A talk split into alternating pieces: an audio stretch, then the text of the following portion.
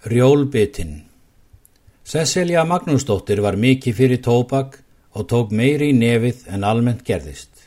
Hún var vinnukona og afskektum bæ í Holti í Mýrdal þegar eftirfarandi atbyrður átti sér stað.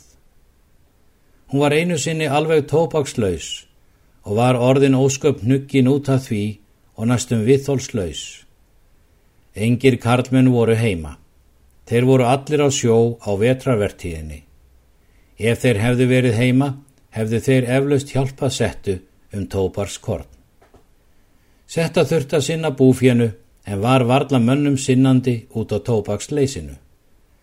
Hún var með tóman bauk í pilsvasanum og hugðist nú þreyfa til hans í þeirri von að finna þó ekki væri nema örlittla lykt af honum. Stingur hún hendin í vasan eftir pontunni eins og hún hafði svo oft gert undanfarna daga en henni brá heldurinn ekki brún þegar hún rekur höndinni í vænan rjólbita sem var um alin á lengt. En svo ráðvönd var setta að fundur þessi glatti hana ekki því hún vissi að hún átti ekki þetta tóbak. Og þrátt fyrir nær óviðráðanlega ílöngun datt henni ekki huga snerta það. Lagðist hún svo til svepsum kvöldið án þess að hafa falli fyrir fristingunni dreymir hana þá að til hennar kemur kona sem segir við hana. Hafðu engar áhyggjur á rjólinu, Cecilia mín.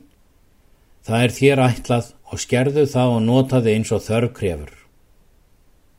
Þegar setta vaknaði sótti hún tópaksfjölina og hnífin og skar rjólbitan og sett í hrútspung.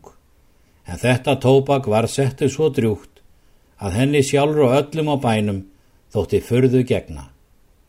Engum manni var þá til að dreifa í holdi sem hugsanlegt væri að laumað hefði rjólinn í vasa settu og engin ókunnugur maður hafði komið þar í langan tíma. Úr skruttu